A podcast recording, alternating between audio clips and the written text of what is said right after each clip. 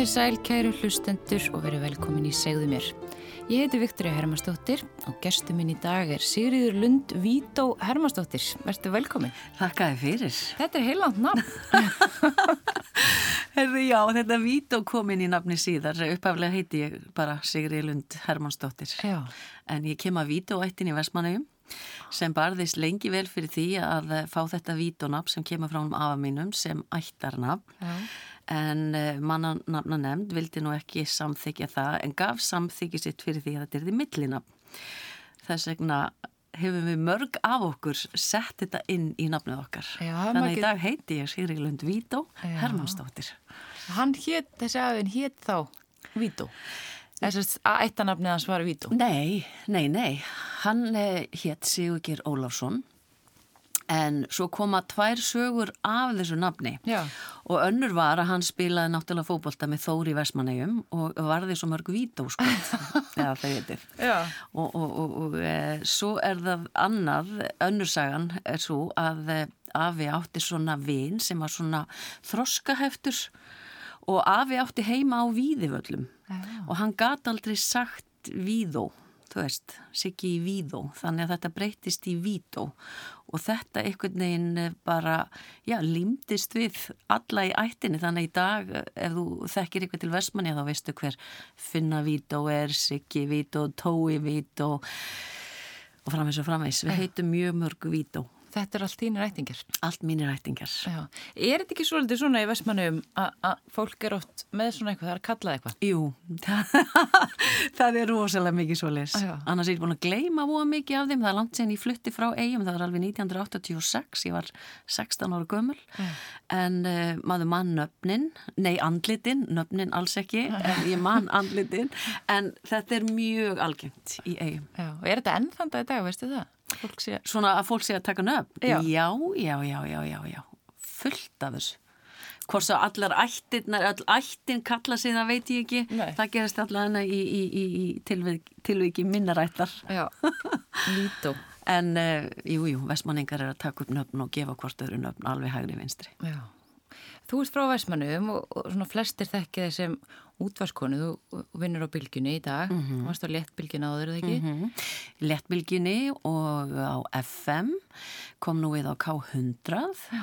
í eitt ár, árið 2013 minni mig. En annars bara já, alltaf á bylginni. Já. Eh, Þú ert frá Vestmanni, þú ert fætt og uppanir þar. Hvernig var að alast upp í Vestmanni? Það var æðislegt. Ég, svo sem hef engan annan samanburð nema það að ég átti stráki minn hér í bænum og hann elst upp hér upp á mölinni en uh, það var bara æðislegt. Mikil ævintýr í náttúrunni, hafa hafið allt í kring. Við krakkarnum vorum að leika okkur fram eftir öllum kvöldum, uh, prílandi og í fjallgungum og það var bara svona frelsi og foreldrar þurfti aldrei að hafa áhyggjur af, af því hvar maður var eða hvort maður var að koma heim. Við skilum okkur alltaf heim. En eh, ég, mun, ég vil meina að það hafi verið forréttindi að alast upp svona út á landi. Já.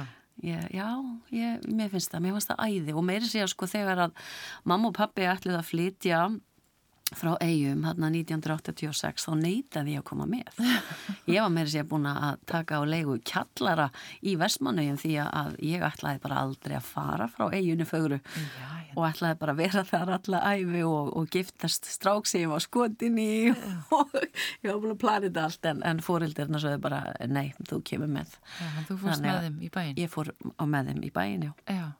Er, uh, áttu sískinni?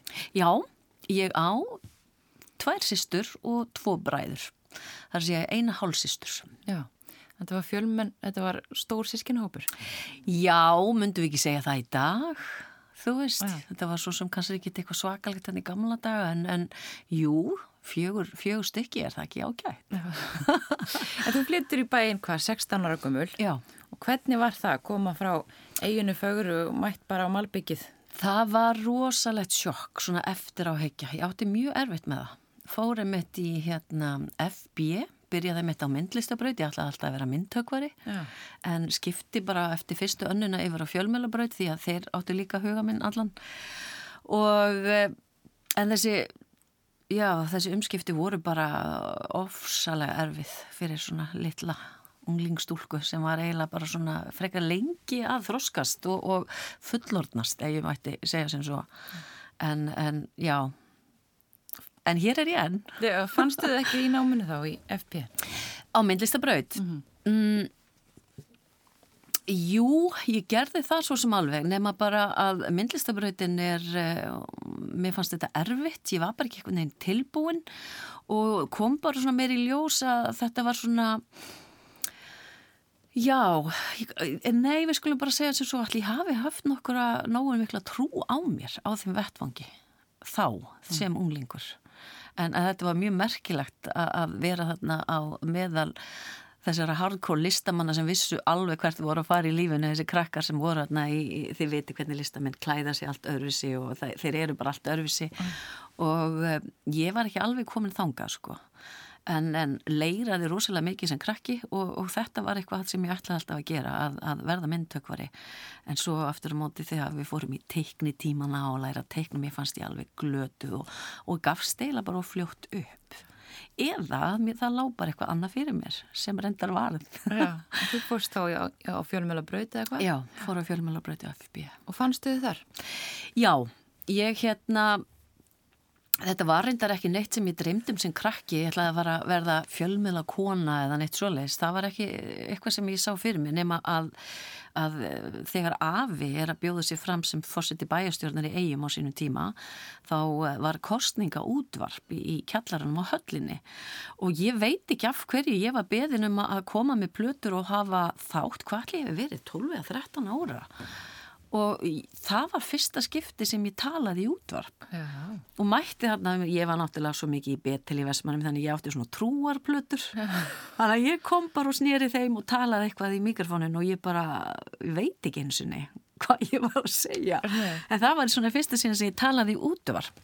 Og allir það hafi ekki bitið mig bara þar, þessi bakteríja þessi fjölmjölu bakteríja, ég veit ekki. Og svo þegar ég kem í bæinn 1986 þá uh, var ég að hlusta svo mikið á Alfa sem var þá Kristilu útúrstöð og þá einn daginn þá er bara auglist eftir starfsfólki eða vandar dargerðarfólki í útvarpið og ég hugsa bara hmm, ég ætti að prófa það, þannig ég ringi þetta er náttúrulega öðruvísi tímar þá en í dag ekki, og maður var ekki að senda post heldur ég ringdi og það svara maður og hann segir, heyrðu, vá ég heyri bara að þú ert með rosalega útvarsröð ég ætla að koma og sækja þig. Og hann kom og sótti mig. Vá og þar var ég sett í einhvers konar pröfu og eh, var bara ráðinn með þetta sami. Og var ég þar að stjórna mínu fyrsta þætti sem hétt á góðri stund með Sigurlund og þar var ég einmitt að snúa plötum kristilegum plötum og, og byggja fyrir fólki. Já, og byggja fyrir fólki. Í veitni útsendingu, já. Já, ringdi fólk þá bara inn Þá ringdi fólk inn með bænarefni og, og hérna, og svo tók maður þetta bara fyrir í loftinu. En þessi, þessi mikla trú, þú sést þú eru alveg upp í, í betel. Já. Varstu alltaf eh, svona trúi bara Nei, nei, trúni kynnist ég í rauninni sko E, fyrst í gegnum bara mömmu og pappa, þau, þau eru náttúrulega hálfgerður unglingar bara þegar þau eiga mig og, og, og eldstu sýsti mína. E, en e, ungt fólk með hlutverk sem var partur af þjóðkyrkina á þeim tíma, ég veit ekki hvernig það er í dag, þau hópur af þeim kom til Vestmanæja og það frelsaðist alveg gigantist mikið ungu fólki og það á meðal mamma og pappi og þar kynnist ég fyrst þessu þar að segja, þú veist, að fólk að tala við Guð og fyrir utan þið viti þetta típiska gamla, maður fór í sunnudagsskóla og fekk Jésúmyndir og allt þetta. Mm -hmm. En eh, mamma og pappi sem sagt eh, eru í þessu í smá tíma og hætta síðan en ég fann bara einhvern rauðan því þessu, eitthvað öryggi, eitthvað haldreipi í mínu lífi þannig að ég held áfram og fór í framhaldi í betili Vestmanningum með vinkunum minni sem var þar með sinni fjölskyldu. Þannig að þar byrjaði ég svolítið svona gaggjast að mæta frá sex ára aldri og var í þessu alveg til rúmlega þrítugs. Þannig að þú bara einn í fjölskyldunum? Já, já. já. Þau voru ekkert að stunda þetta? Nei, Nei. þú getur ímyndar, ég var alltaf að reyna að frelsa þig og komaði mig í kirkjuna og var þessi óþjólandi típa. Og sko. það gekk ekki? Nei, en ég bað fyrir þeim heitt og innilega. og svo flyttur í bæinn Og er þá, ertu, ertu þá mjög trúð? Já, ég tók þetta alla leið og uh, þegar ég kem í bæin þá bara gerist ég meðlumir í Fíladelfíu kirkini hér í, í Reykjavík og fljótlega kynnist ég þar ungum strák og þar uh, hérna, já og það mikið að við ákveðum að trúla okkur og gift okkur mm. og þetta gerðist allt sem hann rosalega rætt þannig að litla unglingstelpan ég var bara allt inn og hann gift kona Og hvað varstu gömul og giftið? Ég gifti mig á átjónara ámilstæmin því að það var náttúrulega sko, ekki vel séð að sofa saman fyrir hjónamband og eh, samkvæmt biblíðinni sko og ég, ég náttúrulega hlíti þessu í einu öllu. Þannig að það var og svona algengt að ungt fólk á þessum tíma í kirkini var að gifta sig ungt mm. og megin eh, eiginlega, eiginlega bara út af því sko. Og var bara veistla og, og allir pakkina? Já, það var kvítur kjóll og það var veistlaði skíðaskálanum í hver á dölum og brúðamegar og allir pakkina sko. Og öll fjörskiptan mætt. Öll fjörskiptan mætt, já, já. Og, og, og voruð þið í Fíladelfíu þá ykkur tíma? Um, ég og maðurum minn. Já. já, já, já, já, algjörlega, alveg þangar til ég skil við hann. Það er sex árum síðan síðar. Og þá, þá hverf, hverf ég á brott sko þannig að úr hérna, Fíladelfíu já, já og hérna, já, flemdist eitthvað neðin þar, þar í burtu bara eftir skilnaðinn og, og Já. Þið, þið eigið svon saman eða ekki? Já, Já. við hefum eitt svon saman og, og, og, eh, og það er eini, eina barni mitt. Hann heitir Eli Þór Vító Gunnarsson. Vító, já. Vító hann er búin að taka upp nafni líka. Já, já. já. Og þú hættir í, í Fíladelfíu og ferði yfir í eitthvað annað, ekki? Ekki alveg strax. Uh, því að sko ég þurfti að sapna miklum kjarki til þess að byggja mér um að skilna það það er heldur ekki vel séð samkvæmt biblíunni að skilja. Og ég tóku svo öllu ótrúlega bókstaflega. En ég einhvern veginn hafði kjark til þess að byggja um það því að þú veist ég fann bara að þetta var ekki, ekki gott fyrir mig en ég hann. Og eh, við skiljum og það var ákveðið að við myndum flytja sundur því ég fengi vinnu og ég fekk vinnu á Hard Rock Café sem var kannski ekki besti staðinu fyrir svona litla trúaða stelpu sem ég kalla litla, ég var hvað 24 ára að verða Já. á þessum tíma. En ég var svo saklus oh my god, ég var svo ótrúlega saklus þannig að ég fekk vinnu á Hard Rock og þar fekk ég nú heldur betur að kynast eh, þessu ljúfa lífi. Og fór meðal annars og kefti minn eh, fyrsta vodkapela í ríkin og fór í fyrsta sinn í ríkin með Hard Rock stelpunum og og hérna og tók þarna smá tíma svona eins og maður myndi segja út af brautinni ja. Og upplifði bara í fyrsta sín aðtikli kallmanna, þú veist það er ekkert mikið um það í kirkina að fólk eh, menn sé að gefa þau undir fótinn eða blikka þig. En þarna bara uppvitaði ég að kannski er ég ekkert ljóta eftir allt sko, þeir voru allir svo ósalega næs og hérna vildi bjóða mér í bíó og sumabústað og á deit og ég kunni bara ekkert með þetta að fara. En eh, Varst það að drekki fyrsta skipti? Já, ég, ég, það var í einu partíinu með starfbánum sem ég drakki fyrsta skipti. Og það endaði mitt með því að það var einhver, eh, ég lendi heima hjá einhverjum strák sko, bara ekki með rænu sko. Þannig að fyrir litlu trúðu stelpuna þá var þetta pínlíti sjokk því ég kom heim daginn eftir vaknaði bara heima hjá einhverjum nánast ekki í fötunum og vissi valla hvað hafi gerst. Já. þannig að ég fór heim og ofbáslega svona ofbáslega móral og ferið mitt svona á nén og bara segi við Guð, þú veist, fyrir gefðu og mér fannst ég hafi bara, mér fannst ég eins og við tölum syndgað svo hræðilega. Og ég sagði bara að eh, þú mátt eiga líf mitt og ég gerir hvað sem er fyrir þig. Og þú veist, svona var þetta. Yeah. sem að eh, verðust til þess að stuttu síðar er ég komin bara á, á biblískóli í bandaríkjónum það eitthvað neginn spilaðist bara mjög rætt þannig. Yeah. og þar var ég í tæpa sjö mánuði að læra og í framhald af því fer ég svo í aðra kirkju. Og ert, hva, hvernig var að vera út í bandaríkunum? Um, það var rosalega skemmtilegt að mörguleiti því að uh, sko þegar ég var uh, áminni trúagöngu innan Kvítasunni kirkjunar þá uh, þetta, á þeim tíma var miklu meira allt svona strikt, það var bara að klappa og það mátti ekki, þú veist, þetta var óða mikið svona á, á þeim tíma en því ég kem hana út þá uppgötu ég að þetta má vera miklu skemmtilegra vegna þess að mitt, mitt hjarta var alltaf pínlítið á nútíma væða fagnærindi á þessum tíma í, í Kvítisunarkirkjunni. Mér langaði svo að gera það aðgengilegra fyrir ungt fólk og aðeins að reyna að mæta því einhver staðar en eh, með orgelspili og sálmásung. Mm -hmm. Það var svona minn hjarsláttur alltaf. En e, þar úti, þar náttúrulega var þetta miklu frálsa, það var dansað og sungið og það var verið að gera hluti á svona nútímalegan hátt og það hitti mér í mark. Þannig að það var alveg skemmtileg lífsreynsla en uh, átti eftir að breyta lífið minn svolítið mikið næstu árin samt sem áður. Og þú ert þannig sjö mánuði mm -hmm. og kemur svo heim og fer þá inn í ykkur nýja kirkju. Já, svo kem ég heim. Já, svo kem ég heim. Ég fer ekki í þessa kirkju strax en uh, áður en ég útskrifast úr biblískólanum sem að hétt þá uh, Spirit Life Bible College mm. eða Impact Bible School hann hétt það og, og það var kirkjan Spirit Life sem að rakan Þá kallar eh, pastorinn þar mig inn á skristu og spyr mig hvað ég ætla að gera því ég kem heim og ég bara, mm, veit það ekki alveg. Ég fari ekki bara í Fíladelfíu aftur eða kannski í eitthvað. Og hann segir að það er eh, hjón sem er að fara að stopna kirkju. Og hún verður í miðbæri Reykjavíkur og verður að búa það fagnarandi á nútímalega hátt, myndur vilja vera með í því? Og ég bara, já, engin spurning því að það var akkurat högsjón mín og í einum af bekknum sem að hétt How to take a city þurftu að skrifa reitgerð um hvernig við ætlum að búa fagnarendið í borgin okkar og þá fjallaði reitgerði mín að mitt um að mér langaði að stofna miðstöð í miðbar Reykjavíkur, búa fagnarendið á nútímalegan hátt og ná til unga fólksinn sem síðan myndi smita aðra með sér. Já.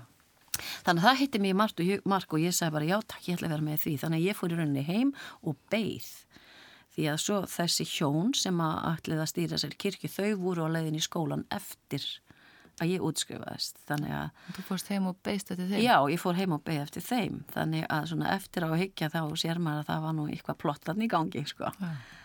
Þannig að hérna en svo koma þau í september 95 og þá var eh, frelsið Kristili miðstu stopnuð. Og hvernig var þetta að gangin í þetta til að byrja með?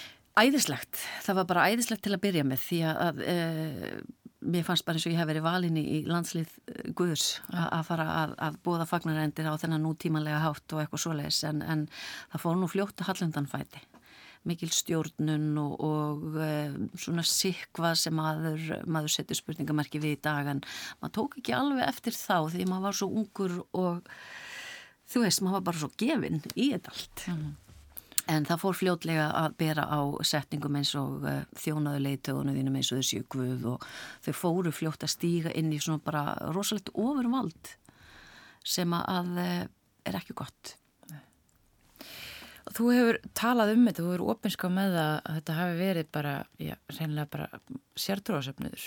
Já, þetta, þetta var það, þetta var það. Ég menna þegar að uppir staðið eru þau að velja fyrir okkur maka, þau eru að stýra bara rosalega miklu í okkar lífi uh, og, og það var farin að koma vísir að mörgu svona sem maður setur spurningamarki við eins og til dæmis... Uh, Ég bjó í raðhúsi með fullt af stelpum í kirkini, þetta var svona fyrsti vísirinn á svona kommunu, mm -hmm. því þá var það á tímbil sem ég misti mína íbúð og uh, pastorskonan uh, stingur upp á að ég fari þetta raðhús og taki þessar stelpur, ég var svona hásmam. Þannig að uh, alls konar svona fóra að, þú veist, að byrja. Bara svona taka þér að þér eitthvað neina. Já, eða þú veist, þetta er það sem gerist bara til að hafa smá yfir sín yfir okkur, skilur við. Mm -hmm. Þannig að hérna já, þannig að ég bjóði þessu raðu sem hefði fullt af stelpum í kirkjunni í, í, í mörg ár og, og eh, já, maður fekk að sjá svona ímislegt. Sumaður að fengu að eignast maka og eh, það var allt skiplagt frá aðtilu þegar þau fóru á deit og hvernig og, og hversu lengi og, og hérna og fyrsti kossin var yfirleitt á alltarannu þegar þau giftu sig Já. hvert par Já. það var aldrei búið að kissa steinusunni áður en að það kom til hjónabands mm. þetta var allt svona rosalega strikt og við fórum, fórum eins og í, í, í trúbósferðalag til Portugal, við máttum ekki vera á sundfötum á strandinni, þurftum að vera í ból yfir mm. og það var alltaf þessi ótti að við séum bara að fara að laupa næsta kallmann eða næstu konu og fara stunda kynlíf yeah. sem kannski lísti frekar hugafari pastasjónana heldur en okkur tíman okkur okkars unga fólksin sem var þarna sem var virkilega bara af hjarta að þjóna guði sko. Já, og hvað voru margir sem voru þarna í söfnu á þessum tíma? Herðu, hann fór fljótlega bara úr fimm upp í sko vel yfir hundra því þú voru ekki að segja hvað þetta voru margir undir lokin en, en við vorum alveg ótrúlega mörg en samt hópurinn í kringum þau alltaf sá sami. Mm -hmm. Það er eins og sko því að þetta var svo, ef við getum útskýrst þetta sem sko tvö líf, þeir sem komu inn og sáu á samkomum og svona, þeir voru að upplifa allt öðruvísi en kannski það sem nákvæmlega var að gerast inn í, þú veist, miðjunni. Já. skilur mig? Og þú, ég menn, þú ert eina af þessum fyrstu fimm sem að byrjar, þannig að þú er einni svona eftir að síðan, þá kannski sér þú hvernig svona gerist, þú ert alveg inn í þessar hengu, hvernig það byrjar og hvernig það þróast og, og þetta áalveg sammert við marg, lýsingar á mörgum öðrum sértróðsefnum sem maður hefur heitt. Þetta verist alltaf að vera svona sama uppskriftin. Já og ég verði eiginlega bara svona oft sjokkuru þegar maður er til dæmis að horfa svo mikið af þáttum á Netflix núna um mm. svona alls konar mormónar og það eru gýðingar, svona ofsatrú gýðingar og fleira svona, þú veist, þetta hefur allt sama, sko sömurauðu línuna Já. að ná þessu ofurvaldi yfir, þú missir bara, þú missir bara valdið á þínu lífi. Og óttin og þessi, já, þessum ótta og, og óttin minn var náttúrulega bara ef ég færi úr í kirkju þá er ég náttúrulega bara yfirgefa köllin Guðs og lífi mínu og ég mun bara brenni helviti og ég veit að svo auðvelt að segja þetta en þetta er actually trúin okkar. Já. við trúum þessu. Og öðru séu mitt kannski skrítið að horfa það í dag en þegar þú ert aðna þessum tíma. Bara algjörlega. Já Algjörlega. Það ertu algjörlega samfærð með þetta séu þetta. Algjörlega samfærð og, og þetta var, sko, þetta er bara raunverulegur ótti í lífiðinu og þú getur ekki farið, þú verður bara standa eina flygt en, en ég satt oft heima á gólfinu í herbygginu mínu og með tárin grátandi fram með fyrir Guðu og bara á þetta virkilega vera svona, það var svo margt það var svo mikil einelti stefna það var illa að koma í fram við þig og þú mættir á samkomur og þú vissir aldrei, þú veist, er ég inn í dag er ég meðtekin eða er ég úti eða þú veist, þetta, þetta bara þetta var, þetta var bara ofbeldi. Algjörlega, þú vissir aldrei hvort, hvort inn, þú varst inn eða úti og eins og ég segi, ég byrja þarna fyrsta fimm og, og, og svo bara allt í einu er hægt að kalla þig á staffafundi, þá ertu ekki með lengur og þú ert kannski að sinna ykkur verkefni svo ertu mætur næsta sunnut og það er einhver annar komið með það og það leta enginn vita. Skilur, þú veist, þetta er bara já, þetta er bara andlit ofbildi það er bara svolítið svo leiðis Og þú talar um hérna að þau hafi stýrt makavali. Já. Og Var valin maki fyrir þig? Hvernig? Nei, engin maki fyrir mig og mesta snerting sem að ég uh, já mesta snerting við kallmann sem ég upplifði á þessum árum var ef maður lendi við hlýðin á einhverjum á beinastund og hérna við áttum að leiðast í beinastundinni það var, það, það var mesta nandin sem ég upplifði á þessum sex árum þú kingi bara öllu sem heiti kynvera eða kynþokki eða vera kona sko en nei, reyndar var því skotin í strák og bankaði upp á hjá pastorsjónunum og, og, og lagði það nú á borðið, ég væri nú pínu skotin. En þau bara nei, hann er ekki maðurinn fyrir þig, þannig að ég þurfti bara að já, og þú bara kynkja því? já, já, já, já, þau voru sko serve your leaders as unto God, þetta var komið nokkur árein í kirkina, þau voru bara, það var bara saman sem merki millir Guðs og þeirra skilur, já. það sem þau sögðu er það sem Guð segir. Það er svo skrítið að standa fyrir þetta að horfa inn mm -hmm. og maður hugsa bara hérna kona sem er bara með fullu viti mm -hmm. hvernig lætur einhvern annan bara stýra þessum Þetta heitir heilaþóttur og það hef ég bara reynd og einskinni og það mun engin skilja nema að upplifa það sjálfur. Þetta heitir bara heilaþóttur maður er bara blindur og eins og, búið, eins og ég kom að áðan að, að hérna svo ertu bara ertu fastur í þessum greipum út af óttanum. Og það er búið að blanda guðin eitthvað í þetta og eitthvað svona þannig að já ég skil fólk vel sem að bara hristur hausin og bara what já. bara búið að byggja upp eitthvað svona óta og þú ert komin bara að valda eitthvað sannars já, já, já. Og, og grunnurinn er náttúrulega að uh, hjartaði til er í Guði þú, ert, þú trúið í virkilega þú sérst að þjóna Guði skilur mm -hmm. algjörlega og hvað varstu lengi í, í þessu? Ég var í þessum söfniði í 6 ár uh, frá 24 ára, 25 ára, þannig til var 31 árs. Já. En uh, kirkjan hún splundraðist bara í loftu upp hana í ágúst 2001 þegar uppkomstum hérna fram í áhald uh, pastorskonunar við Tvítuvanstrák í kirkjunni. Og svo er algjörlega heilsaga á bakvið það allt saman og rosa pólitík það átt að það voru að fleiri kirkjur að fara að koma inn og, og, og, og halda okkur á floti með átt að senda þau eitthvað svona restoration en svo bara riðaði allt í fals þegar eh, komi ljós að, að, að þau vildi ekki gefa upp þennan pastorstitit, vildi ekki gefa kirkjuna upp á bátinn. Mm. Þá bara hættu allir hinn í þessu samstarfi og þau koma tilbaka frá bandaríkjanum og það var einmitt haldinn samkoma í Ísarskóla þar sem að þau sögðu frá því sem hefði gerst og þann dag gekk ég á kirkjunni. Og byrjuð þá er þau búin að fara út? Þau eru búin að fara út. Og þú er búin að fretta þessi eitthvað í gangi? Sko, uh, ég vissi svo sem ekkit hvað var í gangi. Ég, ég var ekki það uh, hátt í, í, í gókunuröðinni að ég var í einsta ring þá. Ég var búið að bóla mér eitthvað lengst í burtu frá þessum innri ring á þeim tíma. En þau voru farin út og það voru fjórar kirkjur sem að einn frá hvort það var Svíþjóð, svo var það þessi frá Florida og svo einn frá Nevada og eitthvað fleiri kirkir sem allir koma og halda utanum okkur meðan þau færu í þetta þessa endurist mm. og svo gerist eitthvað á umræðborðinu hjá þessum pasturum öllum sem að verður til þess að það verður ekkit úr þessu samstarfi og þau koma tilbaka og búða til þessara samkomi og um eitt segja okkur frá allir og hérna og þau ætlaði að halda starfinu áfram en kirkja maður bara lögður niður tveim, þreim dögum síðar því að það náðist ekki neitt með þeim. Nei. Hvernig leiðir þegar þú heyrður þetta?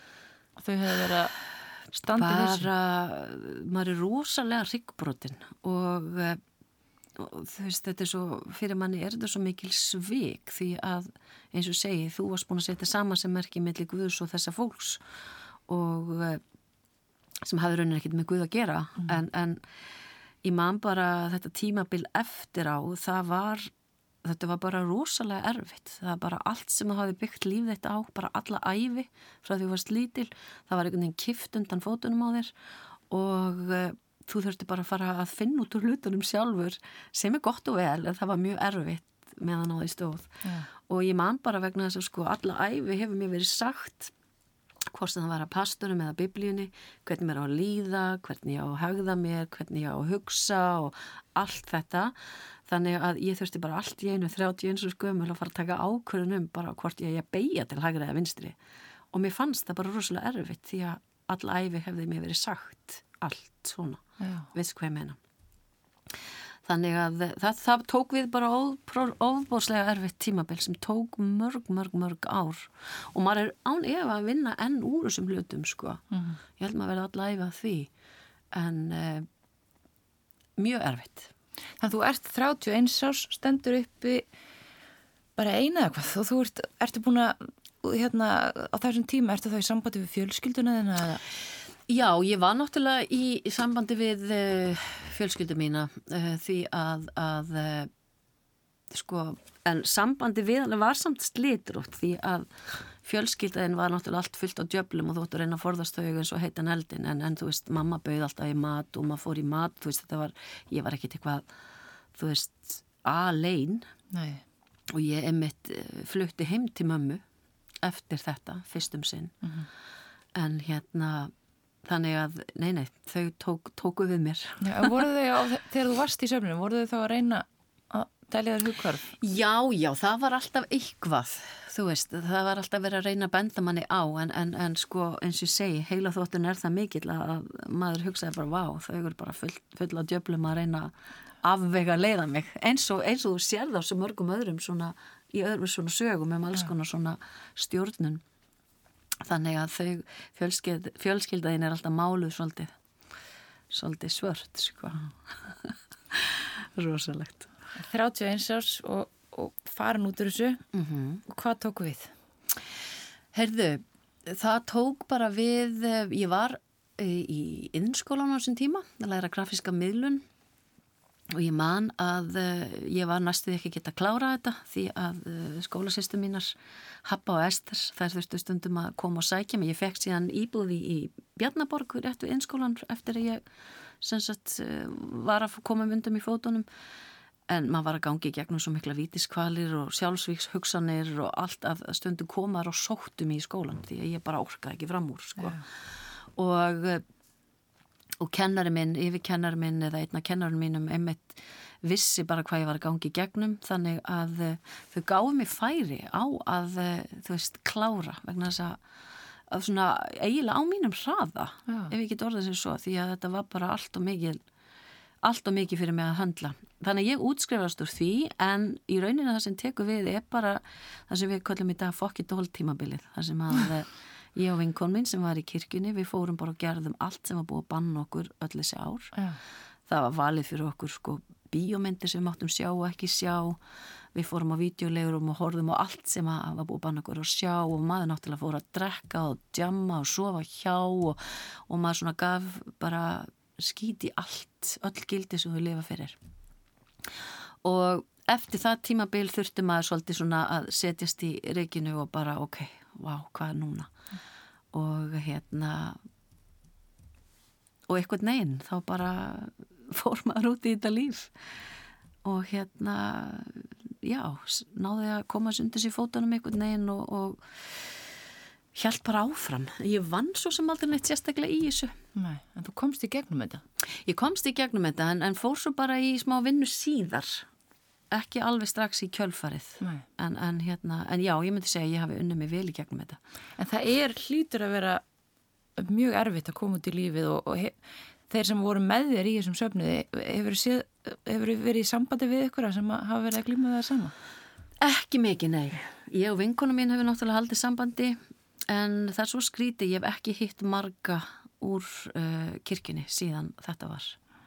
Þú veist bara alls ekki. Þannig ég veit í rauninni ekki alveg hvernig allir hafa það. Nei. en margir fóru bara áfram í ykkur aðra söfniði en uh, ég kom fram í, í kompáts og talaði um þessa reynsli mína fyrir uh, skemstu og þá fekk ég að heyra frá sumum að mínum fyrirvandi meðlumum í þessari kirkju. Yes. þar sem að þeim fann svo gott að fá að heyra akkurat nákvæmlega þetta því að þá að þetta hafa flest allir upplifað þetta sem bara þvílegt skipsbrót sínu lífi mm. og í sinni trú að hafa lendi í þessu en það hefur aldrei verið talað um með það, skilur. Nei.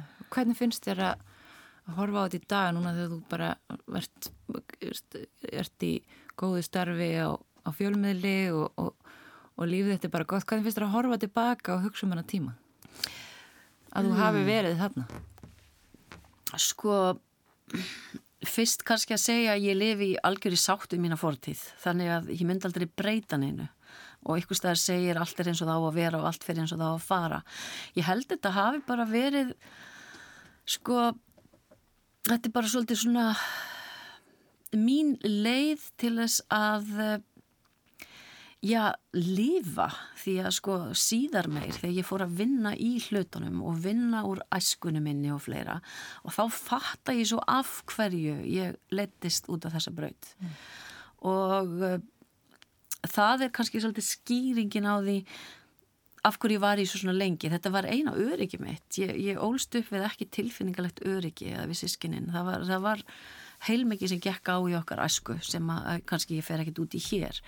En, en þegar ég sé séðan breytingun á fóldurum mínum hann í ganadaga þegar þau séðan taka svo trú mm -hmm. þá var svo mikil ró á heimilinu og allt í nörðu við svona fjölskylda sem ég var einhvern veginn alltaf að berjast fyrir að við yrðum. Þá setu mitt litla stelpu hjarta sama sem merki að þetta hlýtur bara að vera gott. Yeah. þetta er Guð. Og þess vegna held ég í þetta svo lengi. En hérna því ég lít tilbaka, ég skil þessa litlu stelpu og þessa ungu konu svo ótrúlega vel að hafa haldið svona lengi, hún, hún hafaði ekkit annað. Nei. en í dag eftir mína sjálfsvinnu þá kom ég svona til heim til mín þannig að nú veit ég að ég get treyst mér og ég get tekið ákvarðanir og ég get stjórna lífið mínu. En uh, ég tala alltaf í Guð, hann hefur ekkit farið. En ég set alveg samt skil, skil alveg þarna á milli ég, ég er stjórnvölinn. Hef valið til að velja og gera það sem ég vil í mínu lífi. Þannig að uh, það var að dýrmannsesta það var að koma heim til mín sent og síðan meir en ég komst. Já, sátt Sátt, já, ég myndi segja það. Ég myndi segja það. Og bara óhrætt við framtíðina og, og, og allt sem að hún byrja skauði sér. Og óhrætt við að vera við stjórnvölinn í mínu eigin lífi. Já, og vera þú sjálf. Og vera ég sjálf, nákvæmlega Sigriður Lund Vító Hermarsdóttir kæra þakki fyrir komuna í Segðu mér. Takk fyrir mig